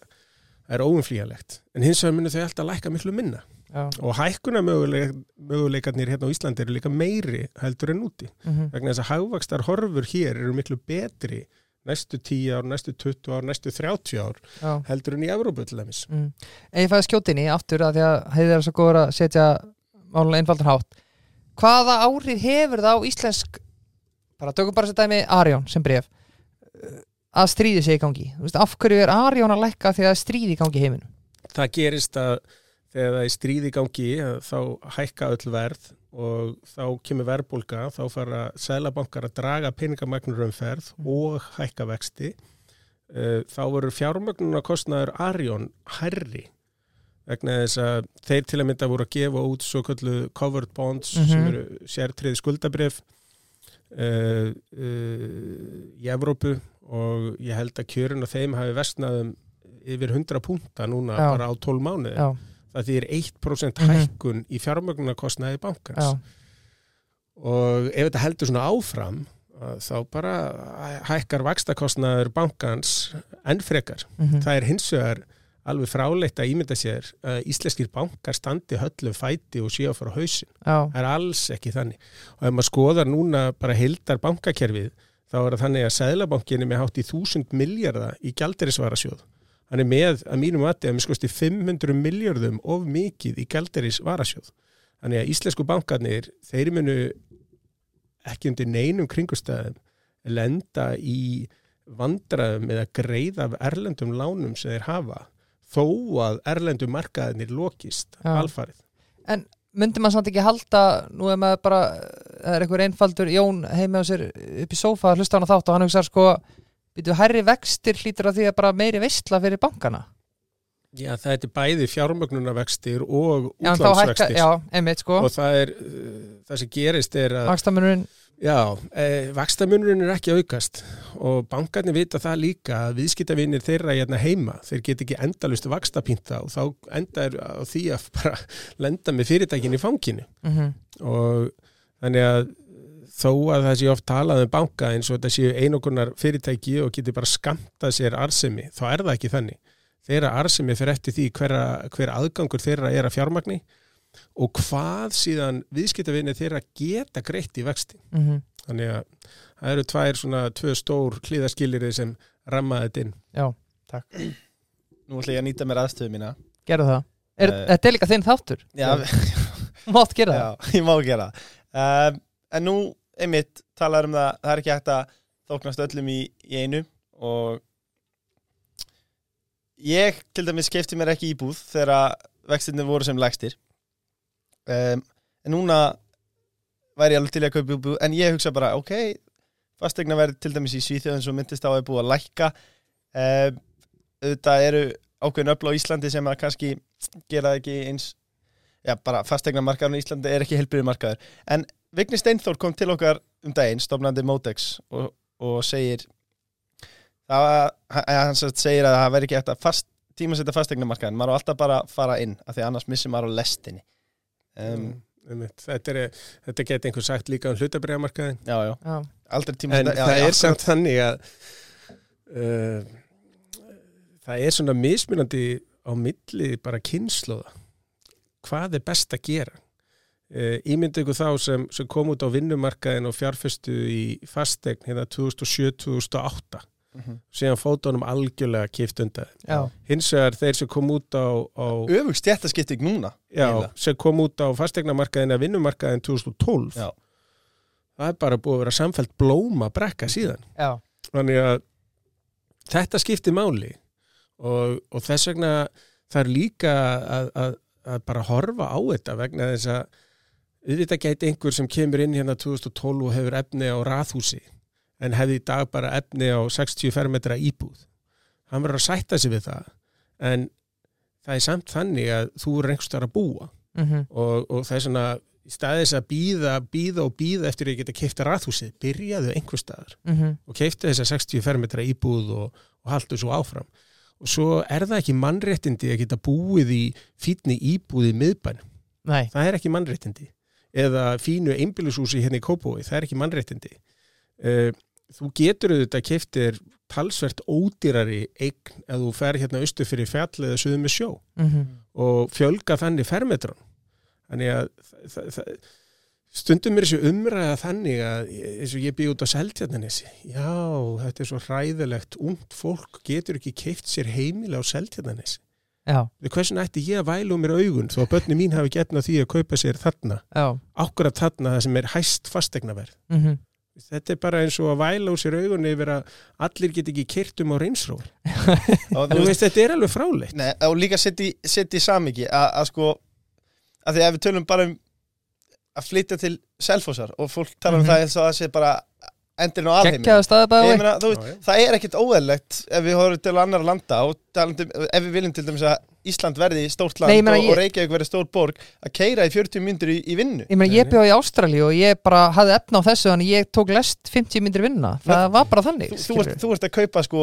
príma húsnæði og borgar fúlkur fjár fyrir til dæmis Já. í kringum San Francisco og, og ert samt 40 myndur í vinnuna sko. Og svo kannski annars með langar að skjóta inn í aftur ef við tökum aðna stjórnmál aðeins, þú veist, af því að núna er þétting byggðar rosaleg. En er ekki þétting byggðar að skila sér bara því að kannski fólk, af því að þeir þétting byggðar á að vera svo umhverfisvænt en það sem gerist í staðinn er að þeir eru að keira á Selfoss uh, eftir vinnu, það er bara bíl við bíl. Mhm. þannig að það er ekki umhverfisvætna en það þannig að Nei, nei, þá ert í staðinn bara ætti að tvöfalda auðvitað uh, alla leið hana, yfir heiðina að eins og eins og segir þéttingu byggðar hversu umhverfisvænt er það að vera bara með heil og halvu hverfin þar sem öll klósettir og stípluð já, vegna þess að það er ekki búið að uppfæra fráitukerfið. já, Við sjáum það eins og í krigu borgatúnið og þar sem voru áður alls konar smá yðnaðar fyrirtæki, eh, bílaþóttastöðar, viðgera vestæði og annað. Nú eru komin hérna hótel og það eru komin uh, fullt af íbúðum sem eru með segjum klósetti á, á tíu metra fresti og, og kerfi ræður ekki við þetta. Mhm, og það er meira að segja þannig að húshitunar kerfi ræður ekki við þetta. Heitavass lagnirnar sem liggja þarna rafkerfi sem er þarna.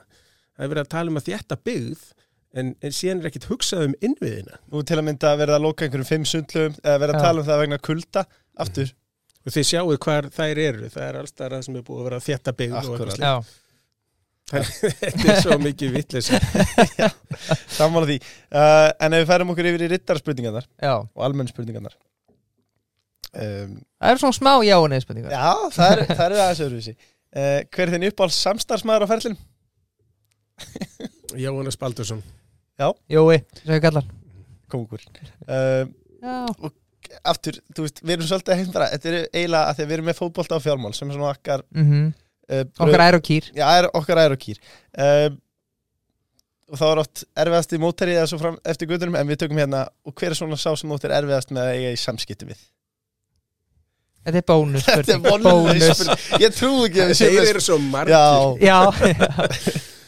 En hann, hann gæti alveg komið að fleiri? Siggi var erfiður en það hafðist á Já. lókum eða eitthvað hann Nei, nei, ég er ekki þannig. Er bara ef einhver var erfiður þá var hann erfiður. Já, Sem og er ekki það er allt í lægi út af því að nei, nei, nei, nei, það er bara fólk er alls konar og við þurfum líka að umbera mismunandi skoðanir og, og mismunandi starfshætti. Auðvitað ekki þannig að einhvern sé dónalegur og leiðilegur en það er bara mjög gefandi að vinna í kring fólk sem hugsa heldur og vísi heldur um aðeins sjálfur. Mhm. Og sér hlutina í öðru ljósi og, og svo lengi sem að það er tilbúið að, að ræða málin opið þá getur maður ekki annað en grætt á því. Báðir aðalar Hann tók að erfiða spurningu og pakka á Já, já, hann gerði það, vel hann gerði það. Um, Næsta spurning er hver er líkillin að þessu svakalega all year around tani hjá Heiðari, spyr Jóhann Páll. Nei, það er, ég var að vinna sem sundlöfurður í Garabæ og það var mjög gefandi.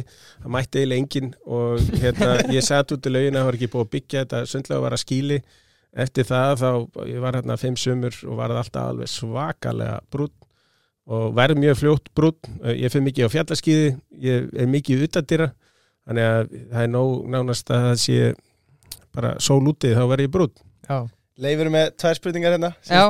Leifur, já, Leifur. Vitlýsingur já, já, það er, það er ekki þinn Nei, ekki minn tepalli Nei, nei, uh, hann spyr í fyrsta lagi Birkir, hver er líkillin að þínu all year around tani Það er sama, það er út í vera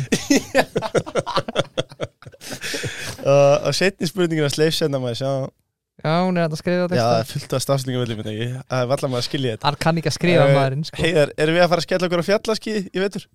Já, já, bara, það er bara engin snjór núna og venjulega byrja ég að fara á skýði eftir miðan oktober, þá er yfirleitt að fara á bláfell upp á kili eða, eða eitthvað stjarnar og svo er yfirleitt alltaf að fara uh, á móskarsnúka eða, eða bara skálafell og, og niður í svínaskarð og uh, svona í november hengilin yfirleitt í desember en það verður ekkit núna, það er ekki snjórun einstæður. Og það er bara rétt að koma snjór fyrir norðan.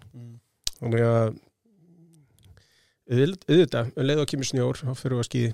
Líst vel að það. Vantar líka svona eitthvað svæð á Íslandi það sem að þið getur verið að skýða og svo myndi ég bara hitt ykkur með leið bara barn Já, við fannum eitthvað gott hótel á, á Snæfellsnesinu og þú tillir þér á barnum. Um, En aftur hér að, að ferlinum ef við heimfærum þetta fótballan eða heimfærum þetta aðtunlið Hvað leiði best? Ég leiði eiginlega best í, í London, ég læriði mest í New York. New York er uh, miklu meira krefjandi umhverfi. Og ég, ég myndi bara ganga svo langt að segja að það er eins og spila í meistaradildinni að, að vera hérna í New York innan um fjármála fólki sem er þar, lagmennina, endurskoðunduna, öll kerfin, þetta virkar allt svo rosalega vel og mikil sérhæfing. Og meðan London er svona eins og spila bara í dönsku dildinni. já, Vá, já, já. ok algjört. Það er mjög mikill munur. mm Kannski eitt sem við langar að skjóta inn í bara bónusspurning hérna uh, Áður en að veikindin kom í ljós Varstu í einhverjum söglu huglaðingum eða byrjar eitthvað að pæla í exiti? Nei, ég var nýbúin að láta uh, vorum að smíða þryggjára svona stefnumótun fyrir félagið þannig að ég var ekki í neinum sölu hugleðingum. Já, bara minn á Dominos-leifur Já, er, það- Hver er uppáhalds pizza þín leifur á Veist, Dominos? veistu hvað ég sparaði marga mínútur á árunni? Þannig að Dominos, Dominos Wrapped. Ég vill ekki vita. Eða Jú, hva- hvað er með það? Ég er ekki vissum að vilja vita það. Ég vildi ekki vita það En ég fekk það samt upp í grillaða mér. Já, uh, hvað er ekki, 2000 og Nei, það var, það var rúmar 3000 sko. Auðvitað, eru við sem sagt, Dominos eru velgerðamenn okkar Já, og, og allt það en, en þetta var sláandi tölur sko. já, En ég vissi það líka alveg ég, Maggi Hafstein sem er að hafliða sig sem er að vinna þarna sem fórstjóri hann er algjör toppmaður, hann var að vinna með okkur í markasmálunum á sín, já, algjörlega frábær. já. Já.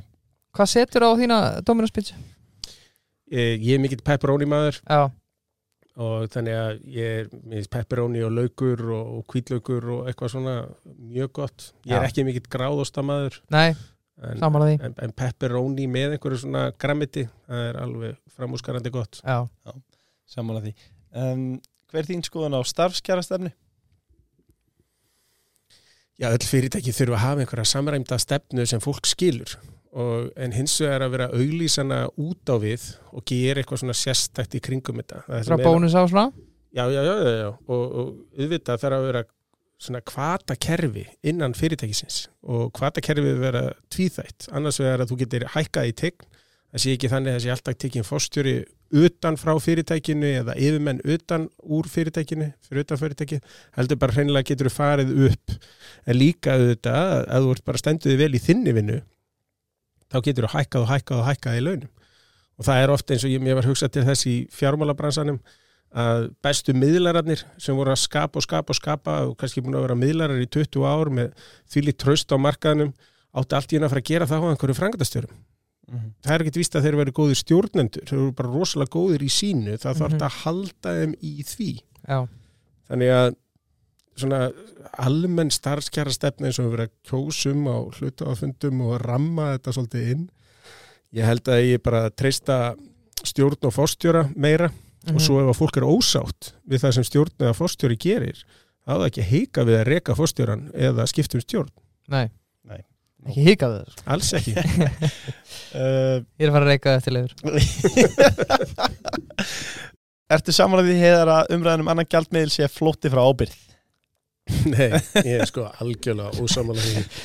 Ristur er að sasta? Já, já, ég bara ég, vegna þess að vera ábyrgur það er að geta ekki sett skuldirnar á næsta mann það er að þurfa að standa undir þeim sjálfur og ábyrg fjármálastjórn er þannig að þú þart ekki peningaprentsmiðu við hliðina þér. Sæðlabankin er peningaprentsmiða og fjármálaráðandið er við hliðina á peningaprentsmiðinni. Þannig að ef við ætlum að tala um ábyrga fjármálastjórn þá tökum við peningaprentsmiðinni í burtu mm. sem er eigin mynd og þá þarf viðkomandi raunverulega að standa undir því sem hann er að gera. Hann getur ekki bara sendt tjekkan eða skuldina ekkert annað. Já Á heimilin landinu kannski Já, það endar alltaf þar Já. á fyrirtækjum og heimilum. Eins og við sáum bara eftir hrun. Það var ekki eins og ríkið eða þið ofinbæra að fara á hausinn. Uh, 97% af kaupöllinni þurkaðist út mhm, og eigið fyrir heimila þurkaðist út og voru einhverja miklar uppsagnir hjá henni ofinbara? Nei, þeir gætu bara velt vandanum annað. já, og, og fyrir þá sem er ekki búin að hlusta á fyrir þáttin með heiðari uh, endilega kíkja á hann, þarna vorum við með eða heiðar þú veist að velta skemmtilegum steinum varandi upptöku annars skjaldmiðls og Já. svo framvegis. Uh, en þurfum við hæri menn að vera hrætti við mikið pers personum vilki í Kristrúna Frostadóttur hjá sjálfstæðisflokkum hann fyrir að læga þessu. Nei, nei, en ég minna Auðmýkja- bara fyrirgefðu, frábært að Nei, nei, það er bara frábært að hún sé í frambóði og, og hérna það sem mér kemur mest óvart það er hvað hún er að segja með að við hennar mentun og, og, og starfsreynslu Já. uh, Eins og hvað? tala fyrir einhverju svona óábyrgri aukningu ríkisútgjalda tala fyrir einhverjum eins og núna uh, hálfgerðu leigu þaki eða einhverjum millifæslum, eitthvað sem hún kallar kvalreka skatt sem er raun og veru á sjárutu og banka þegar gangi svo vel að þá er að taka sérstaklega þeim mun þessi sama manneskja ef það gengur rosalega illa ætla þá að, að gefa þeim sérstaklega peninga? Mhm, ef ekki, þá er þetta engin kvalreika skattur, þetta er bara einhver viðbóta skattur já, og þetta verður að gangi í báðar áttir. Já, og ef þú ert komið svona pilsfaldar kapitalisma það sem er raun og veru stóru fyrirtækin eh, eiga alltaf heimtingu á því að sækja eitthvað til ríkisins og ríkið á heimtingu að sækja til þeirra þá ertu komið með eitthvað mjög vondan koktel vegna þess að blanda saman viðskiptum og stjórnmálum. Það er alveg baneitraður koktel já, Já, Bjarni talaði um að það væri ekkit reysamála samfélkingin væri rúmlega 20% um, en hefum það alveg á hreinu Það er samt bara sama á Sjálfstæðisflokkurinn. er núna, sko. Að því sögðu þá er náttúrulega bentan á að það er ekkit óalgengt að stjórnarnaðstöðu flokkar fái mikið fylgi áður en að kemur að kannski eitt sem, er, Var ekki sósélistaflokkurinn komin upp í 15% Jó. eða 18? kannski eitt sem ég ætla að skjóta inn því að við erum hérna allir sjálfstæðismenn. Uh, hvernig fannst þér uh, formanslagurinn og Bjarnaða Gulla? Þetta, Ég hafði mjög gaman að hann já, Ég, ég minna þessi landsfundur, eh, ekki það að ég hafi mætt á marga þetta var minn annar landsfundur en þessi fundur var miklu skemmtlegri fyrir vikið. það ekki? Það styrkir því bara flokkin Nei, samkeppni er alltaf hennu góða. Já, og þetta er svona, ég myndi að ég mér að hafa verið besta ræða sem Bjarni hafi haldið, það var ræðan þegar hann opnaði mhm, fundin og, og hérna, það þarf svona aðhald til þess að, að- að fólk svona virkilega standi sig, það þarf eitthvað kvatakerfi. heldur að Gulli hafi komið sterkari eða ve- veikari úr fundinu Ég, ég held hann bara að sé á sama stað hann er náttúrulega alveg svakalega dólugur og fylgir sér Mhm. og, og hérna búin að vera mjög lengi og á marga aðdáðundur og ég vann með honum um tíma hérna 96 vorum að vinna saman hjá fjárvangi og hann er mjög geðugur og, og dólugur aðali já, góðinu þáttaræslegur á góðun þáttanins mikið rétt. Um, Einn stutt og laggótt hérna. Ef öll ríki heimsins væri með vinstri stjórn hvernig væri heimurinn þá? þá er hann ekki efgóður og í dag, það er alveg ljóst. Og Mm. þá er ekki almennlegt líðræðin einstæðar uh, frelsi einstaklingsins væri fótuntróðið en uh, ef að við værum svo hefnir að vera sinir einhverja sósjalista leiðtúa þá værum við bara á snekju í miðjarahafinu það er, ok, reyndar þetta hljómar svo vissla fyrir, fyrir þessa örfáu 0,1% ég klárið þetta. Uh, hver verður það nei fyrir ekki, uh, hvernig er best að breyta einum dali í tvo spyr hann Kjell Freyr kötturinn? Já, það er með því að sína fólumæði takk Hvar líka viðskiptatækifærin í dag þínu fælega mati spyr Jón hjá PLT Já, það er að býða. Það er vegna þess að skipti máli að eiga í raun og veru aðganga fjármagni þegar lóksins tækifærin opnast. Uh, Bandarækjumenn segja you got to be in it to win it. Það er eins og þú þurfir alltaf að vera all in. En með uh, slíkri speki að það vortu mjög fljótur að fara á hausinn. Þannig að það er miklu betra að eiga til hliðar í raun og veru fjármagn sem þú getur notað loksins þegar tækifærin opnast. Og tækifærin er að fara að opnast almennt. Eh, það eru tækifæri í verðtröðum skuldabrifum bæði í bandarækjónum og hér á stuttaendanum sérstaklega. Er bara fínt að eiga þau. Eh, ég myndi ekki segja að veri tækifæri í fastegnum þó ég er fullt af fastegnum Eh, ég myndi býða þar. Eh, hversin er ég ekki búin að selja þessar fastegnir ég held ég bara enginn sem getur keift það núna vegna þess að fjármagnir sem bankarnir eru að lána er að takmörkuðum svona skamti Mhm. þannig að auðvitað er ekki þetta tíma setja allt. Eitthvað setjum að bara sem er er langtíma fjárfestingi, ég reyfið ekki. Eitthvað er svona, jú, jú, já, þetta í 2 til 5 ár Mhm. og fer þá út og inn. Hvort hefur be reynst betur stokk eða fastegn ef, ef, ef maður tekur bara sögulegt samingi í miða við áhættu Já, að þá er fastegnin að vinna uh, það sem þetta hlutabrif hafa hins vegar það er að þeir eru auð seljanlegri mhm, þú selur ekki hluta fastegn þú getur Nei. hluta hlutabrifasafninu eitt, tvö bref og það er svona öðruvísi fjárfesting.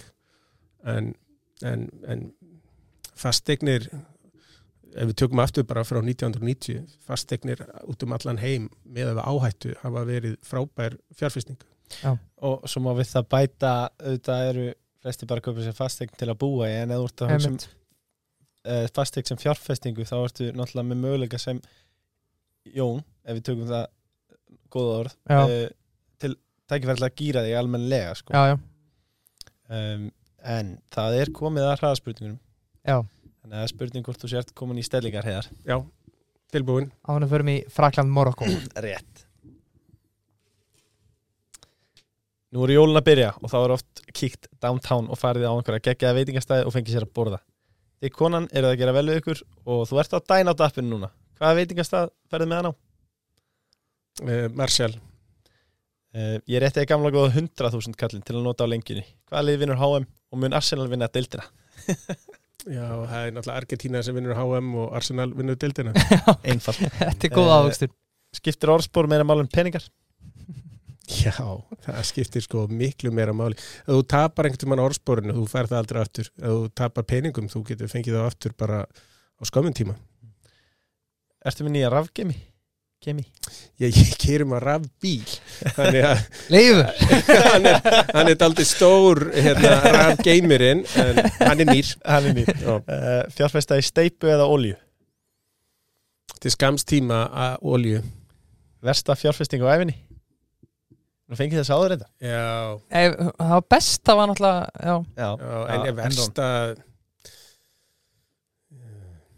Já, ég, eitt sé ekkit nefnt hérna, ég þóttist vera svo forsjál að ég átti fullt af skuldabrifum á landsbankan fyrir hrun og hérna ástæðan var svo að ég var með innlán í bankanum og ég breytti þeim í að kaupa skuldabrif vegna Mm. þess að ég vissi að skuldabrif voru ofar í kröfuröðinni. Já. síðan koma neyðalögin og breyta aftur kröfuröðinni. Þannig að ég sem ætlaði að vera svo gáðaður og hugsaði, já, já, þannig er ég alveg búin að negla þetta. Að ég var bara tekin í bólinu af því að almenningur náttúrulega hefði komið svo illa út úr hinnu að röðinni var bara breytt þannig að ég var allt í hennu aftastur. Já. kappaði bara 90% af pinningunum á kannski tveimur mánuðum. Já, Uh, já, þetta er kallt Hvernig ætti að fara með bílið næst í skoðun? Spyrir fyrir mér í. Uh, ég á eitt bíl sem er 2019 þannig að það er þá vantilega 23 já, Já. Þeir býða spenntir eftir. Já, Já. ég mæti alltaf. Það er fagnandi. Uppáhalds drikkur það er rauðvin Ertu með flýsar heimaður komið? Mhm. Eitt breyfi kaupallin dag at gunpoint. Amarok.